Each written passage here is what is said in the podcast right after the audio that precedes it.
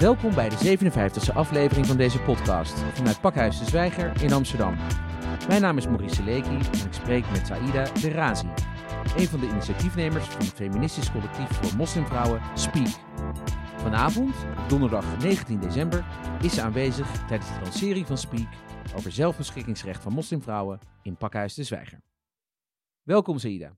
Je zet je dagelijks in tegen racisme en ongelijkheid in jouw werk en uh, voor een rechtvaardiger samenleving. En dat doe je op allerlei verschillende manieren. Kun je ons daar uh, wat meer over vertellen? Ja, um, als eerste Maurice, dankjewel dat ik er mag zijn. En uh, ook wil ik Pakhuis de Zwijger bedanken ik zelf um, zit bij het comité 21 maart, dat als eerste. En daarbij doe ik allerlei projecten vanuit uh, een eigen projectbureau dat ik heb. Dat heet FACE. Die projecten variëren van uh, migratie en ontwikkeling, het thema daarvan. En het is eigenlijk heel breed. Uh, dat gaat vanuit public affairs richting Europees Parlement. Of eh, het kan zelfs wereldwijd naar de VN gaan. Maar ook eh, de Tweede Kamer of uh, de gemeenteraad. Zou ook nog eens kunnen. Daarnaast geef ik ook uh, trainingen en workshops, maar dat zijn een klein onderdeel van hetgene wat ik eigenlijk doe. En ik ontwikkel nieuwe projecten op het gebied van migratie en ontwikkeling. En onlangs uh, zijn wij dus een vrouwencollectief begonnen voor zelfbeschikkingsrecht van moslimvrouwen.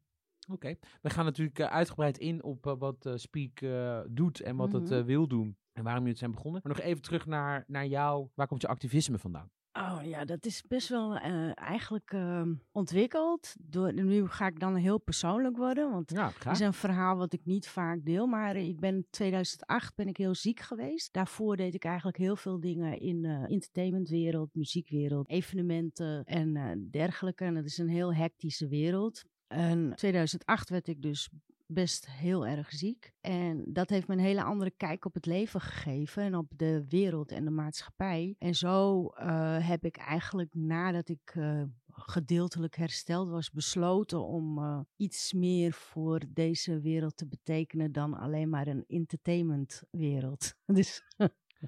Dus jouw ziekte ja. en, en het herstel daarvan ja. was eigenlijk een soort turnaround in je leven, een soort ja. game changer.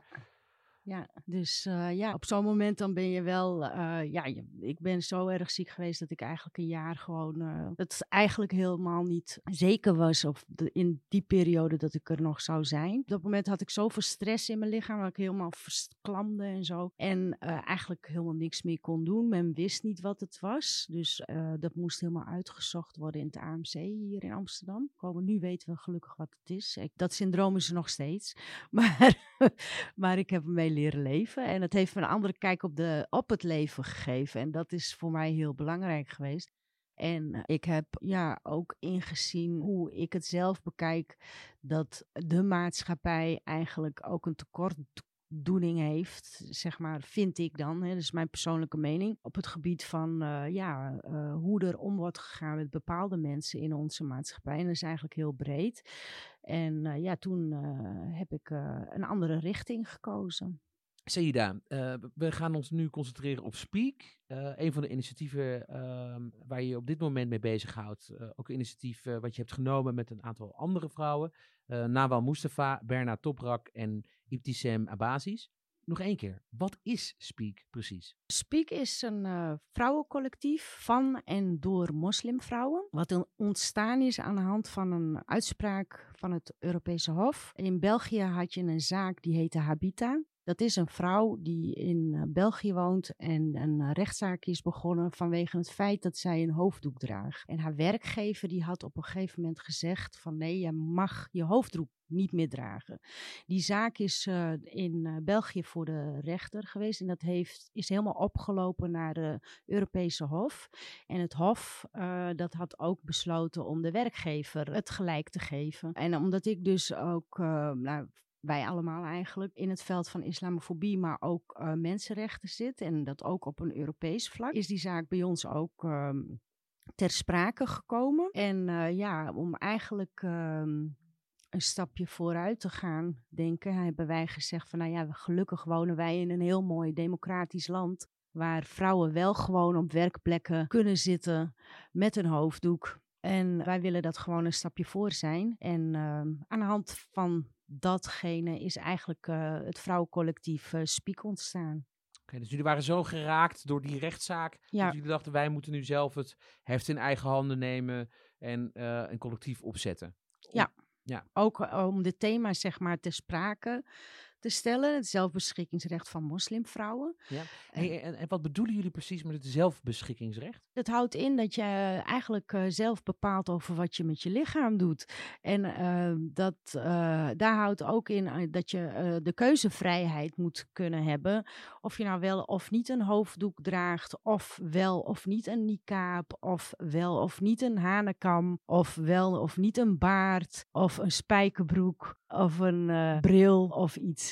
Ik zeg maar wat. Maar eh, dat eh, behoort tot het zelfbeschikkingsrecht. Overigens, voor de goede orde, eh, jij draagt bijvoorbeeld geen hoofddoek, Nee. ook geen niqab, ook geen bril trouwens, en geen hanenkam. dus, dus het maakt eigenlijk dus niet uit wat een vrouw wil, maar als het maar haar eigen wil is. Ja. Ehm, en als we dan nog even inzoomen op het vraagstuk van, van die zelfbeschikking. heb je het gevoel dat dat, hè, want dit is een zaak in België geweest. Wat is de status in Nederland van het zelfbeschikking? Nou, eh, tegenover moslimvrouwen, eh, ik bedoel eh, niet alleen moslimvrouwen hoor. Trouwens, ik, Joodse mensen mogen ook niet overal een keppeltje dragen. En, ehm, maar in, tot betrekking tot islamitische vrouwen, bij de politie bijvoorbeeld, een vrouw met hoofddoek kan niet met hoofddoek politieagenten worden. En ze zou ook nooit een advocaat kunnen worden.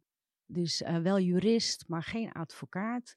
Eh, ze kan bijvoorbeeld ook niet rechter worden of zo. Dat soort publieke functies is gewoon qua keuze voor een voor moslimvrouw al eh, met hoofddoek al afgeschreven. Ja, Ja. En dat is, dat is echt wel op, op hoofddoekniveau dat dat, eh, dat, Ja, dat niet dat kan? is in Nederland eh, al zo bepaald. En je hebt ook Omdat bepaald. je geen religieuze uiting eh, mag laten zien in zo'n publieke functie. Ja, zij vinden dat een. De een. De, kijk, daar zijn de meningen ook heel verschillend over. De een vindt het een ehm, religieuze uiting. En een ander vindt het gewoon een vorm van identiteit. Terug even naar Speak. Want dat, eh, Speak is ook een afkorting.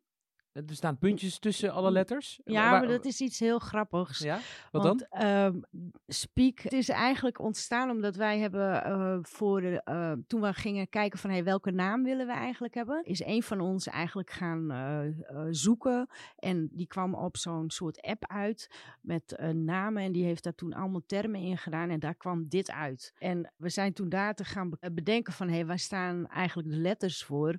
Maar dat hebben we eigenlijk nog steeds niet bedacht. Alleen het woord speak zelf spreekt wel van zichzelf, omdat ja, eh, wij willen graag meer gehoord worden. Dus we want to speak. Dus het staat eigenlijk gewoon voor spreken. En misschien komt er ooit nog eens een keer eh, een, een betekenis per letter bij. Misschien wel, maar misschien ook niet. Misschien halen we later de stipjes weg. Maar wij bepalen. Het is ons collectief waar wij zelf eh, voor willen kiezen. En wij ons eigen zelfbeschikkingsrecht. Dus wij bepalen ook of wij daar stipjes tussen zetten, ja of nee. Hey, en wat willen jullie, eh, want het, het wordt dus gelanceerd, Speak, jullie Ja. collectief. Wat willen jullie eigenlijk bereiken met Speak? Nou, als eerste willen we het thema graag eh, meer onder ogen brengen. Eh, Het thema van zelfbeschikking.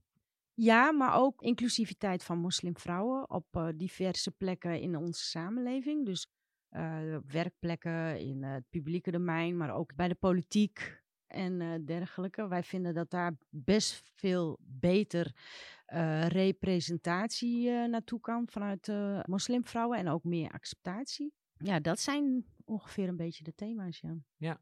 Hey, en want hoe, hoe kijken jullie dan aan naar de representatie van moslimvrouwen op dit moment in Nederland? Want zeg maar gewoon vanaf een afstandje gezien, voor mij dan als persoon, ik, maar Mhm. ik heb ook een aantal eh, sterke moslimvrouwen in deze podcast eh, te gast gehad. Maar zie je dat er aan de ene kant eh, klimaatactivisten met een moslimachtergrond, een, een, een wethouder in Amsterdam met een moslimachtergrond, een kamervoorzitter met een moslimachtergrond, dat er eigenlijk heel veel succesvolle eh, moslimvrouwen overal op beginnen te duiken. En ook eh, ja, goede, eh, re- ja, zichtbare maatschappelijke plekken innemen. Dat, dat, dat lijkt een ontwikkeling. Maar Ja. is dat ook zo? Of is dat, of Nee, is dat, dat is geweldig. Dat, dat is geweldig, die publieke functies. En zeker in de politiek hè, beginnen steeds meer vrouwen met een islamitische achtergrond of vermeend moslim, want die zijn er ook nog, Ja. dat zij eh, bepaalde functies eh, betreden. Het probleem is alleen dat uh, door het islamofobe klimaat wat wij op dit moment hebben hier in onze samenleving in Nederland, dat er uh, ook islamofobe uitspraken worden gedaan. En, en zoals dat wij dus nu op dit moment zien. Door bepaalde dat, politici bijvoorbeeld. Bijvoorbeeld, ja. Maar uh, ook de media deelt daar ook een hele grote bijdrage aan. We zien dat er uh, bijvoorbeeld veel meer geweld is tegenover moslimvrouwen. 90% van racistische meldingen komen vanuit islamitische vrouwen. En voornamelijk van vrouwen met een hoofddoek. Dus dat is een punt waar we heel erg op hameren. Van we moeten gewoon als maatschappij waken voor het feit dat uh, islamitische vrouwen niet een slachtoffer worden van bijvoorbeeld dat soort um, uh, retoriek wat er gebruikt wordt in de politiek. En, kun, je, kun je voorbeelden noemen van, van de retoriek zeg maar, waar je je dan tegen zou verzetten? Nou ja, ik bedoel, als er een, een politicus is die uh, schreeuwt uh, dat, uh, ik zeg maar een voorbeeldje, maar die bijvoorbeeld constant anti-islam retoriek gebruikt, de slachtoffers die daar te maken mee krijgen. Je hebt het bijvoorbeeld nu over Geert Wilders? Bijvoorbeeld, of, ja. ja. Bijvoorbeeld Geert Wilders. Ja, de slachtoffers die dan vallen, en uh, die direct uh, aangevallen worden op straat, dat zijn islamitische vrouwen. Omdat ze zichtbare moslims zijn, maar ook vrouwen die niet zichtbaar moslims zijn, hebben daarmee te maken. Want ben jij eigenlijk zelf moslim? Ik ben zelf ook moslim, ja. ja. En mag ik vragen waarom jij geen hoofddoek draagt? Ik ben als eerste niet op die culturele manier opgevoed. Mijn moeder draagt bijvoorbeeld ook geen, geen hoofddoek.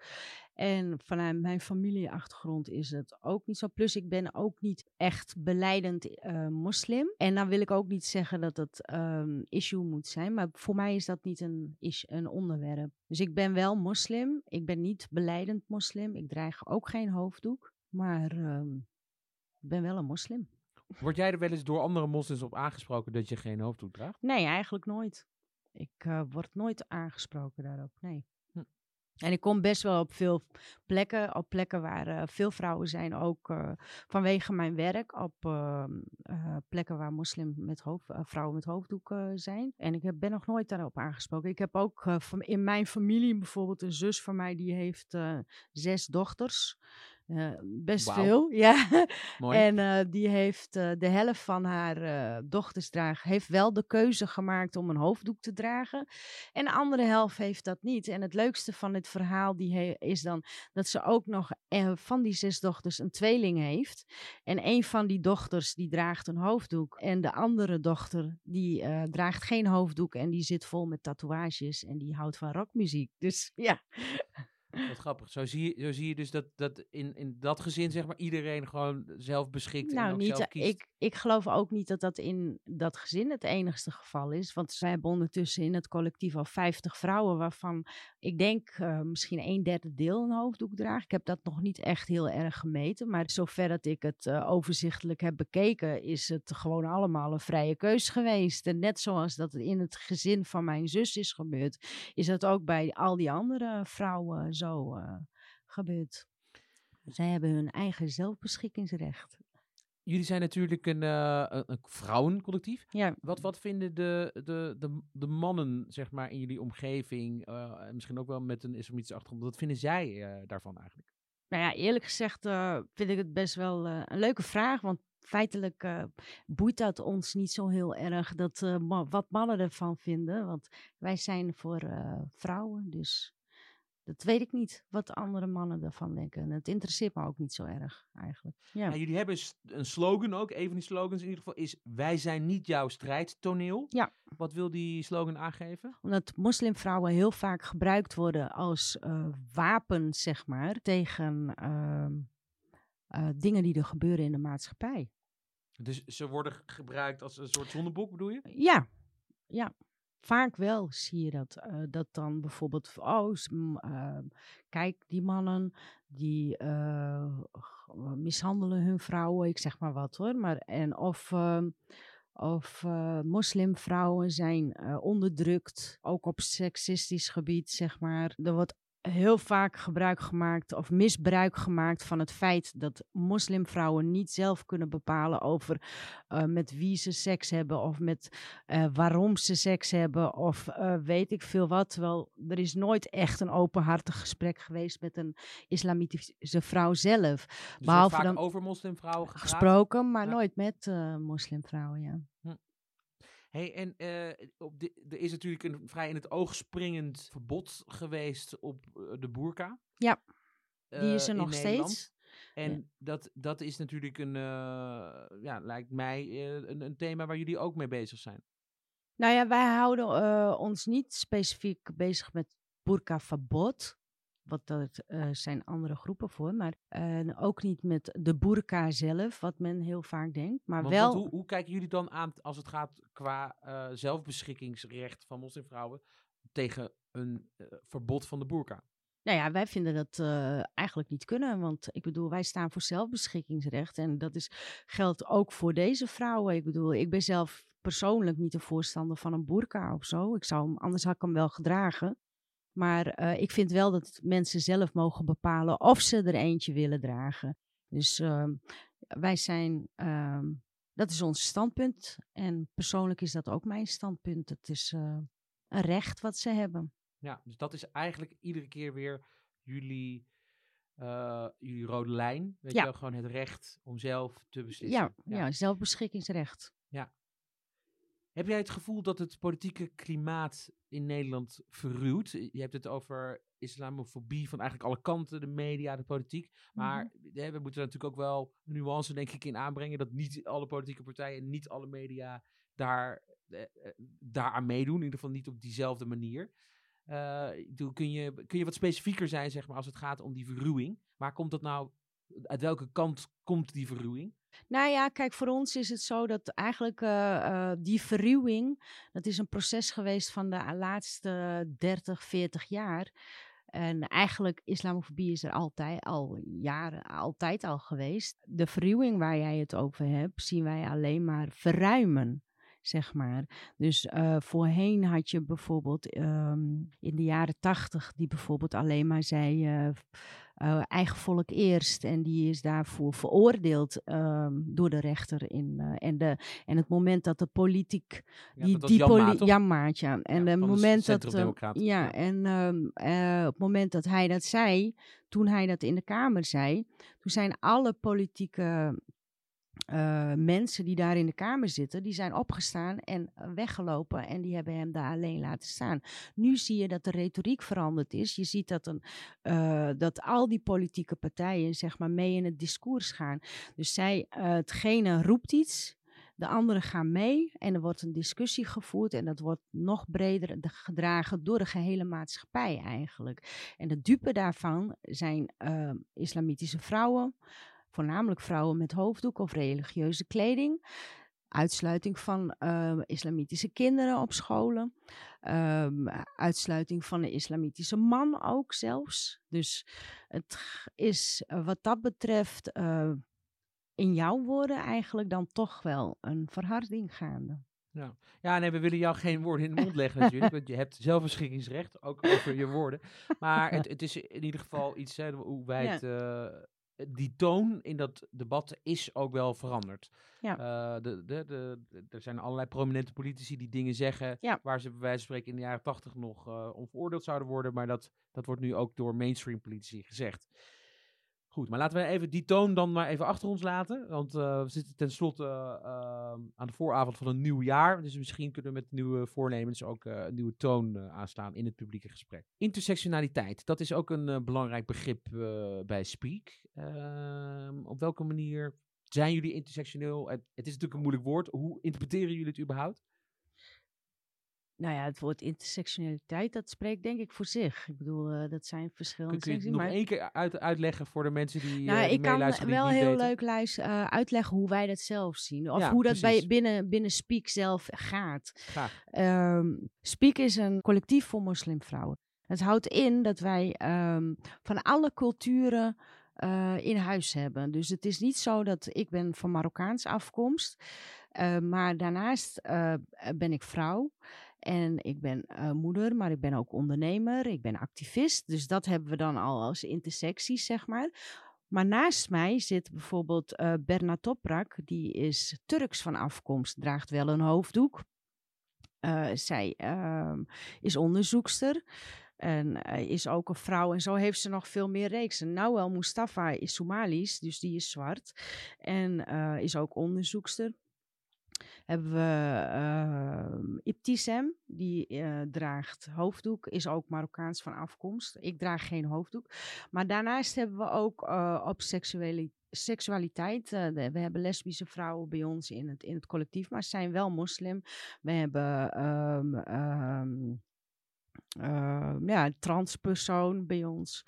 We hebben witte vrouwen in ons collectief die uh, bekeerd zijn, wel of niet. We hebben ook vrouwen die bijvoorbeeld geen moslim zijn, maar wel uh, vermeend uiterlijk dragen als de stereotype moslim, zoals dat uh, men ervan uitgaat dat een moslima eruit moet zien. En zo hebben wij verschillende intersecties binnen ons collectief. Hey, en met het collectief, hè, 2020 komt eraan. Jullie hebben dan die lancering vanavond in Pakhuizen Zwijger met een groot programma. Ja. Uh, maar wat gaat er daarna gebeuren? Wat, wat, wat uh, zijn jullie activiteiten? Nou ja, wij zijn dus onlangs een uh, jaar bezig, eigenlijk onder de radar. We hebben van allerlei acties al gevoerd en daar gaan we bij ons uh, op ons event gaan we het daar meer over hebben. Dus ik zou zeggen, kom gewoon lekker kijken. Daarnaast hebben wij tijd besteed aan het community building, wat we de afgelopen jaar gedaan hebben. Dat willen we volgend jaar nog sterker maken. Omdat, ja, want jullie zijn van vier oprichters naar, naar uh, ruim 50, 50 vrouwen. vrouwen gegaan. We zijn bij uh, de Women's March, hebben we onze eigenlijke eerste openbare... In maart? in ja. maart gedaan. Daarna de anti-racisme demo. En uh, volgend jaar zijn we van plan om uh, ja, toch meer, uh, nog meer vrouwen erbij te betrekken. Dus we willen nog groter worden. Dat is ons doel. Dus, en hoe um, wordt erop gereageerd? Hoe, hoe, hoe reageren nou, bijvoorbeeld de jonge moslimvrouwen in Nederland op jullie initiatief? Nou ja, wat we zien is dat, er, dat wij dus ook best wel inspiratie geven tot nieuwe initiatieven. En dat is ook onze hoop. Want uh, ja, wij, vonden dat er een schaarste was aan uh, initiatieven als dit. En we hopen ook dat er nog meer ehm, vrouwen geïnspireerd raken door hetgene wat wij doen. En dat daar dan ook weer nieuwe initiatieven van ontstaan. En zij ook hun stem laten spreken. En en dat kan bij ons Speak collectief natuurlijk. Maar het zou mooi zijn als er nog andere initiatieven die op ons lijken en nog mooiere dingen doen. Ja. En gewoon, dan zijn we nu even hard op aan het nadenken en, en aan het dagdromen misschien wel, maar, of aan het fantaseren op zijn minst. Maar kun je je ook ooit voorstellen dat jullie met uh, Speak uh, politiek actief uh, zullen gaan worden? Dat is niet ons doel. Het is meer het beïnvloeden van een politiek. Dus dat is eerder een doel van ons, ja. Merken jullie dat, want jullie zijn dus al een jaar achter de schermen bezig, mm -hmm. dat, dat bijvoorbeeld zo'n NRC-artikel en jullie aanwezigheid bij nou, diverse manifestaties, dat dat ook bij politici op de radar is gekomen en dat het, dat het heeft geholpen om iets welke kant dan ook op te beïnvloeden? We hopen van wel. Ik bedoel, uh, uh, dat artikel is eigenlijk geschreven aan de hand van de veiligheid van de vrouwen. Ik bedoel, het AD kwam met een verschrikkelijk artikel. Eigenlijk een omschrijving van hoe je vrouwen uh, uh, de grond tegenaan kan slaan. En dat je ze gewoon zo mag uh, zelf bij de nek mag pakken en dus naar het bureau. Burka, ja, burka. En um, toen nadat ons artikel is uitgekomen, ja, is er toch best wel op een andere blik naar het geheel gaan kijken. Tenminste, dat denken we dan. En, maar het gevoel hebben we ook. En in de, in de politiek, zijn er, zijn er bepaalde, laten we zeggen, politici, uh, misschien wel moslimvrouwen, op het maar even zo te zeggen, die, uh, waar, waar, jullie je hoop op hebben gevestigd? Van, nou, dat zijn de role models, dat zijn de, de, de mensen die... Nou, mijn persoonlijke role model is echt de voorzitter van de Kamer. Ik ben zo'n fan van haar. Ja, Khadija Ariep. Ja, Khadija Ariep. En, uh, en waarom is zij jouw role model? Wat zij doet is ongelooflijk. Uh, het werk wat zij doet is ongelooflijk. Ik bedoel, ik kijk zelf heel graag naar debatten. dat is een hobby voor mij. En als ik dan zie hoe zij dat allemaal zo mag leiden en dat ze dat zo gewoon eventjes doet. Uh, dat korte vrouwtje met zoveel pit dat ze daar zit. Nou, dat vind ik een geweldig voorbeeld voor, uh, voor mij, maar ook voor andere vrouwen in de maatschappij. Dus, en niet alleen moslimvrouwen. Ik bedoel, ze doet het maar wel even. Zeker. Ja. Um, komt zij ook trouwens uh, vanavond? Ik hoop het, maar we hebben haar niet persoonlijk uitgenodigd. Dat, dat komt misschien nog. Wie weet volgend jaar. um, ja, tot slot, Saida, heb je nog een soort boodschap, oproep, wens voor onze luisteraars? Ik hoop dat jullie allemaal vanavond komen naar het Speak Event. En uh, dat jullie nu uh, kunnen luisteren, zien en misschien ook wel voelen hoe het uh, daadwerkelijk in elkaar zit rondom uh, moslimvrouwen. En het thema zelfbeschikkingsrecht. Dankjewel. Saida de Razi. Jij ook bedankt. Dank jullie wel. Beste luisteraars, dit was de 57e aflevering van de podcastserie van Pakhuis de Zwijger. Meer weten over dit onderwerp? Kom dan vanavond, donderdag 19 december, naar het programma We Speak in Pakhuis de Zwijger. Wil je meer informatie over de andere programma's van Pakhuis de Zwijger? Ga dan naar www.dezwijger.nl. Een rating achterlaten of je abonneren op deze podcast kan via Soundcloud, Spotify, iTunes of een ander podcastplatform. Dank voor het luisteren en tot de volgende keer.